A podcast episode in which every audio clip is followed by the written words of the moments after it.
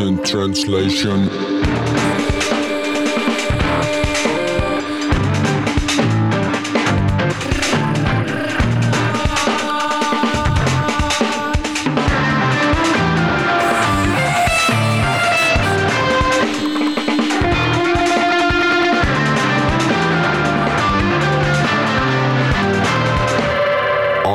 translation. Absent Translations ehk tõlked eemalviibijatele on eksperimentaalne raadioformaat, mille raames noored Eesti kultuuritegelased jagavad teiega oma täiesti subjektiivseid elamuskogemusi. head kuulamist.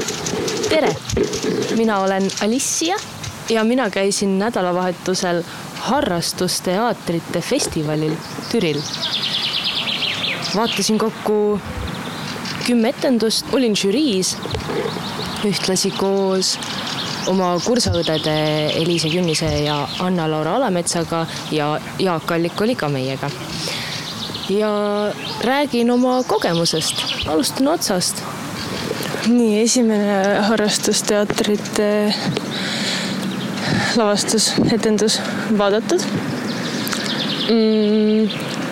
Mm, mm, ma olen õues ja jalutamine rahulikul sammul ja autode mühina kuulamine ja linnulaulu kuulamine tundub praegu kõige meeldivam tegevus, mis üldse saaks olla. muljed, Türi on, on imeline. ma loodan, et kõik teavad, et Türi on kevade pealinn ja lillede pealinn lillede festival toimub ka seal. ja mina sain tõesti kogemuse, ma pole nii vaikset linna vist ammu kogenud. põhitee ääres isegi oli rahulik ja mõnus tšillida päikese käes, kus autod sõidavad, kus on maantee, nad sõidavad aeglaselt, seega ei ole müra. aga no tõesti väga tore. ööbisime, mis see oli, Silla Veski hotell, mis on kolm kilomeetrit kultuurimajast, kus toimusid etendused ja iga hommikused ja õhtused jalutuskäigud andsid mõnusa värskenduse ja reflektsiooni aja, et mõelda üle, mis, mis tehakse maailmas ja, ja kuidas see maailm üldse toimib. oli, oli põnev. etendusi vaadates oli nii palju erinevaid mõtteid, see kestis kolm päeva reede õhtul saabusime, kell viis hakkas esimene etendus, kaks etendust oli reedel, laupäeval oli kuus etendust ja pühapäeval kolm. peale igat kahte me andsime tagasisidet truppidele, mis oli kummaline kogemus omaette, sest et ma olen ju harjunud, et mulle antakse tagasisidet, mitte alati nii-öelda sellises äh, toetavas võtmes et äh, oli põnev kogeda seda, et, et me anname nüüd inimestele, kes on teinud seda aastaid, tagasisidet, äh, noh, mina kui inimene, keda, miks peaks üldse kuulama, osaliselt ma arvasin, samas ma õigustasin endale seda sellega, et et meie kui kolm noort siis olemegi see värske pilk ja ja et võiks ju ka meid kuulata, kui arvestada maailma edasiliikumisega, sest et enamus tegijaid olid ikkagi vanemad.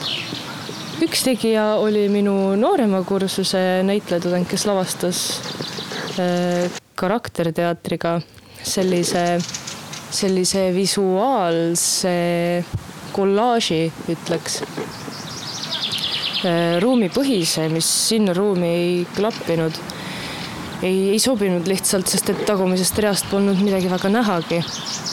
aga, aga see oli, vähemalt see oli seal.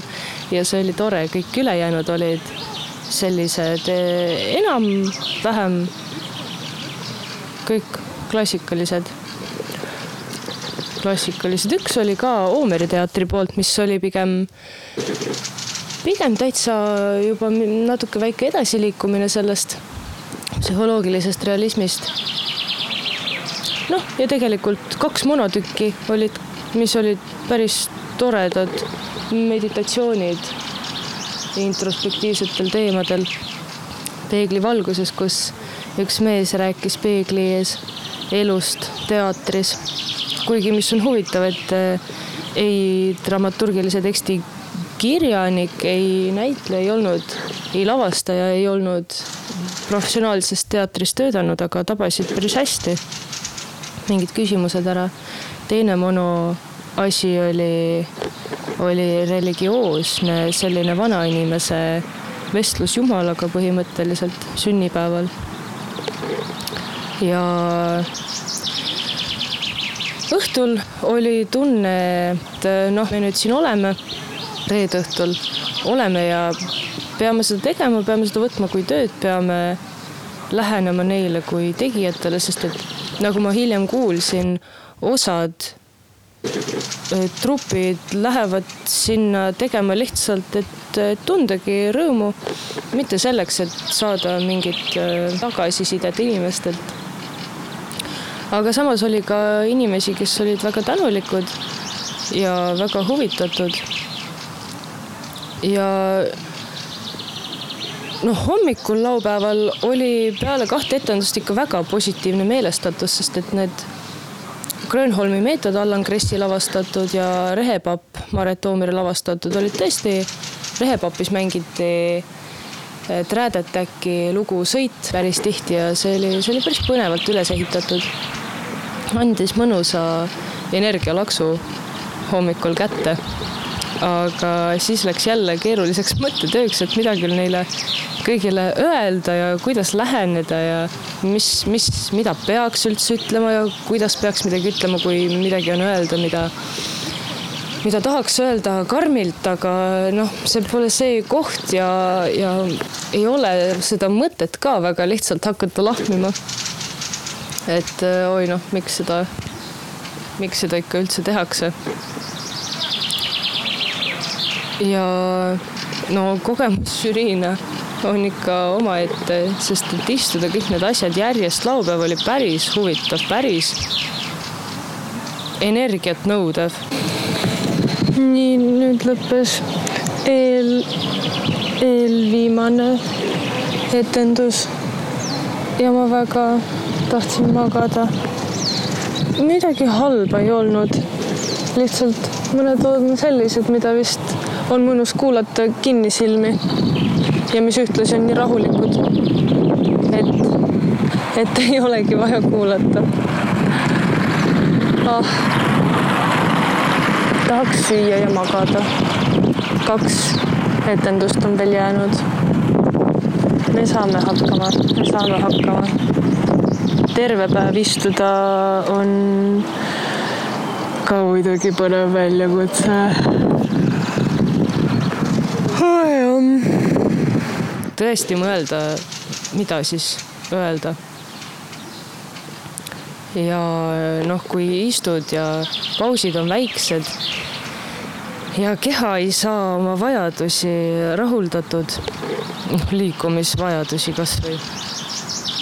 et see aju ikka läheb põnevatesse kohtadesse, aga ma ütleks, et me saime täitsa hästi hakkama ja saime eripreemiaid antud peaaegu kõigile, kolm vist jäi välja kümnest. kaks laureaati. laureaatideks said Rehepapp ja, ja Raamid Viljandi, Seasaare ja Musta jaama koostöö. Hanno Puusepa lavastatud ja põhipreemia saigi Grönholmi meetod Allan Kressi lavastatud ja eripreemiaid oli palju, oli armsuse eripreemia, oli, oli etenduskunstide eripreemia, mis sai siis Robin Täppi ruumipõhine lavastus. ja kaks monotükki said eripreemiad. ja seda ikka täitsa oli tore ja kõige toredam oli näha seda, kuidas inimesed tõesti teevad puhtast rõõmust, nad teevad oma seda, seda oma vabast ajast vabast tahtest. ja neil on nii palju seda mängurõõmu ja kuigi nad ei tee asju nii-öelda liiga professionaalselt, siis, siis see kohati üldse ei häirinudki. häiris ainult siis, kui pidi mõtlema, et noh, kas nad siis tahavad seda tagasisidet kui miskit, mis aitaks neile oma taset tõsta või nad tahavad tagasisidet lihtsalt, et teada, kas oli tore või ei olnud või või et kuidas üldse, kuidas üldse inimesed teevad oma tööd. ja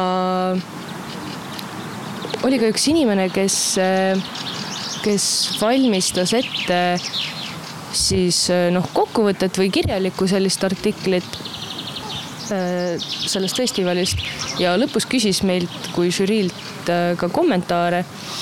ja üks küsimusi oli, et mis me soovitaksime neile harrastajatele, et justkui siis äh, professionaalse teatri esindajatelt, algaja esindajatelt. ja noh, me rääkisime, rääkisime mingeid selliseid detaile, aga siis mida ka Allan Kriss juba alguses mainis ühes tagasiside ringis, mida suured tegijad on ajaloos öelnud, et äh, põhiküsimus on ikkagi see, et mille jaoks, mille jaoks seda üldse tehakse. ja see mul klikkis ära kohe Helen Lotmani loeng ööülikoolis teadmiste janust ja üks esimesi asju, mis ta välja tõi, oli see, et kui palutakse teha mingisugune esitlus, siis tema jääb mõtlema selle peale, et, et taju võtab inimestelt aega, millega inimesed võiksid teha palju kasulikumaid ja palju väärtuslikumaid ja palju nauditavamaid asju oma eluga ja minu jaoks see, see sinna kohta läks nii hästi. Et no tõesti, mina ju võtsin seda kogemust kui žürii kogemust ja mina panin sinna palju erinevaid kihte juurde. aga kui ma oleksin vaadanud seda publikuna, tervet, juua. ah, aitäh, terviseks Äh, tervet seda festivali tavalise publikuna, siis ega ma ju ei oleks seda vaadanud kõike, ma lihtsalt ei oleks arvanud, et see on, et see on see, mida ma võiksin teha oma ajaga. Aga, ja tõesti, ja ma jäingi mõtlema ja iseenda peale. et ma praegu ka ju räägin siin ja noh, mis mu eesmärgid on, on, on pigem lihtne, aga kui mõelda, et ma siiski loodan, et keegi tahab seda kuulata. ja et mina ju muidugi tahan, et keegi seda kuulaks, ma pigem tunnetuslikult loodan, et ma olen ikkagi vestluses kellegagi läbi sellise meediumi, siis, siis jah, et see on vist olnud kõige suurem, kõige suurem pidurdaja, kui ma olen mõelnud, et mida, mida see siis annab. Ja ma ei ole leidnud midagi piisavalt õigustavat, mida, mida kasvõi mina ise oleksin tahtnud kuulda, aga, aga samas, kui neid väärtusi niimoodi taga ajades, siis võib ju, võib ju täitsa mitte midagi teha. sest et kõik on juba tehtud ja kõik teemad on räägitud ja kõigest niikuinii räägitakse kogu aeg. aga et see väärtus kindlasti peaks olema, aga aga kas siis ikka peab kinni jääma? ma arvan, et kinni jääma ei pea. aga ma arvan, et sellest tuleks mõelda kindlasti noh, vähemalt kord kvartalis näiteks. Ja, ja ma ei tea, kasvõi hakkangi kirja panema, miks ma üldse teen seda. ja täitsa teed ausalt, kui ma teengi seda ainult selleks, et raha saada ja ära elada siis ma panen selle kirja ja siis ma mõtlen sellele veel ühe korra. ja kui ma teen seda selleks, et areneda ja et potentsiaalselt keegi veel saaks võib-olla areneda või võib-olla kellegagi saaks koos mõtteid arendada sellel, sellel taustal, siis see on minu jaoks vist juba suur asi. ja samas jällegi nende, nende festivalitükkide vaatamine tegelikult on ju lihtne öelda, et ma ei saanud sellest midagi, aga, aga kui sa istudki seal selles tunnises kannatuses, kuulmata, nägemata suuremat osa või, või olla nii pingestatud mingisugusest halvast elemendist. võib-olla selles on ka väärtus, sest et me ju peame inimestena elus kogema ka ebameeldivaid asju ja ja mina näen, et on palju toredam ja kasulikum kogeda neid turvalises keskkonnas, kui, kui täiesti mingisuguses mudases soos uppudes juba teadmata, kas elu üldse läheb edasi. et äh, see on ju päris, päris hea algus, ma arvan. võtta siis see vastutus ikkagi endale kui, kui sa otsustad midagi vaadata, kui ma otsustan midagi vaadata, kui ma otsustan midagi kogeda, et ma võtan selle vastutuse enda peale, et leida sealt see väärtus. ja noh, tegijana jällegi, tegijana jällegi ma, ma kardan lihtsalt, et kui noh, minul kui ülemõtlejal läheb vahepeal nagu natuke liiga laiaks või nii-öelda ülemõtlemiseks see. ja, ja siis mulle tundub, et see kipub laiali valguma või et see kipub olema ebamäärane, sest et ma tahan tõenäoliselt, et kõik saaksid midagi sealt enda jaoks leida, aga aga siis jällegi, et kui see on nii üleüldine ja kõik, siis on samal ajal ka mitte midagi ja et mitte kedagi, samas võib see ka väga noh, mitte huvitada. ja nii see läks. ja nii see läks.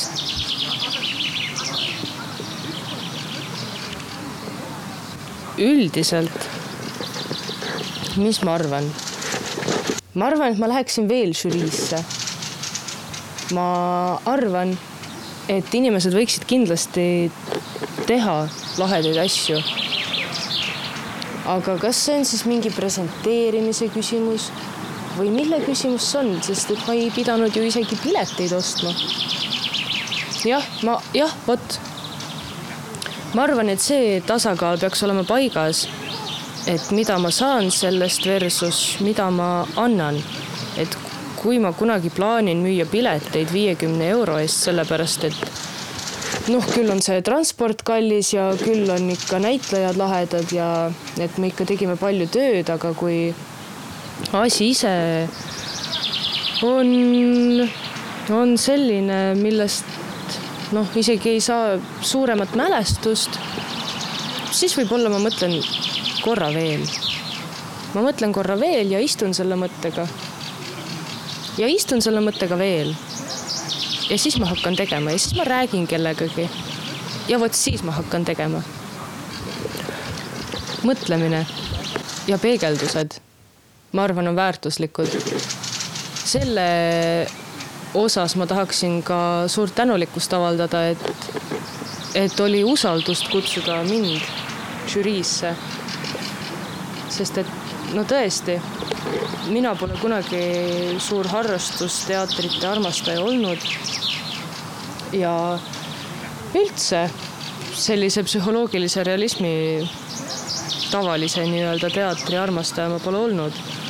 aga et ma võtsin ennast kätte ja, ja ei võtnud mingisugust ootust ja eelarvamust endaga kaasa ja isegi kui võtsin, siis ma tegelesin sellega, et ta läheks jalutama selleks ajaks, kui pidi olema asjalik. ma olen tõesti väga tänulik.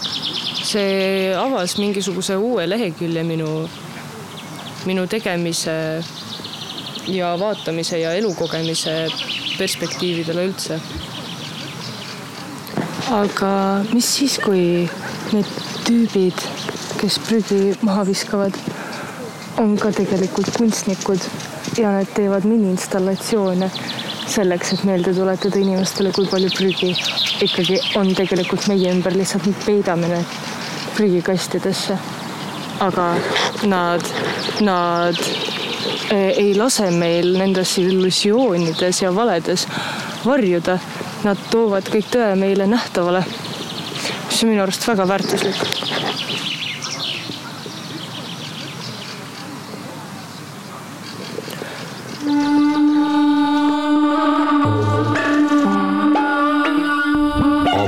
translation.